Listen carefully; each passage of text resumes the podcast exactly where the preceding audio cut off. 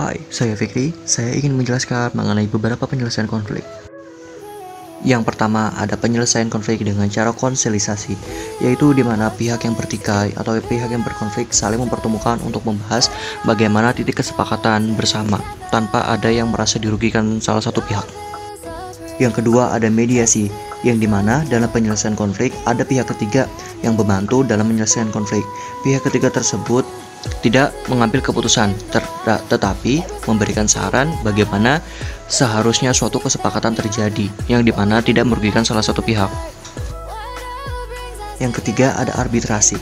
Hampir sama dengan mediasi, sama-sama ada pihak ketiga, namun dalam arbitrasi pihak ketiga bersifat mengambil keputusan.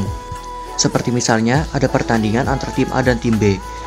Salah satu pemain tim A men-tackle salah satu pemain tim B. Tim A merasa itu tidak suatu pelanggaran, tetapi tim B merasa itu merupakan suatu pelanggaran. Maka ada ada wasit di situ bersifat untuk mengambil keputusan. Jika wasit memutuskan bahwa itu suatu pelanggaran, maka kedua belah pihak tidak bisa mengganggu gugat keputusan tersebut. Selanjutnya ada koersi, yang di mana penyelesaian konflik dengan cara paksaan, seperti misalnya ada aksi demonstrasi yang dilakukan oleh para mahasiswa. Mereka merusak semua fasilitas-fasilitas yang ada di jalan. Maka untuk menghentikan itu, polisi pun menembakkan gas air mata. Nah, contoh tersebut merupakan bentuk koersi yaitu dengan cara paksaan.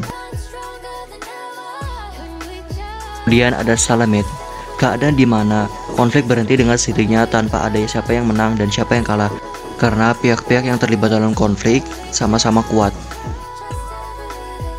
Berikutnya ada adjudikasi, yaitu penyelesaian konflik dilakukan di pengadilan.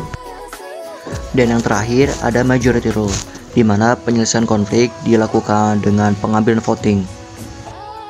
Itulah penjelasan saya mengenai beberapa penyelesaian konflik. Terima kasih.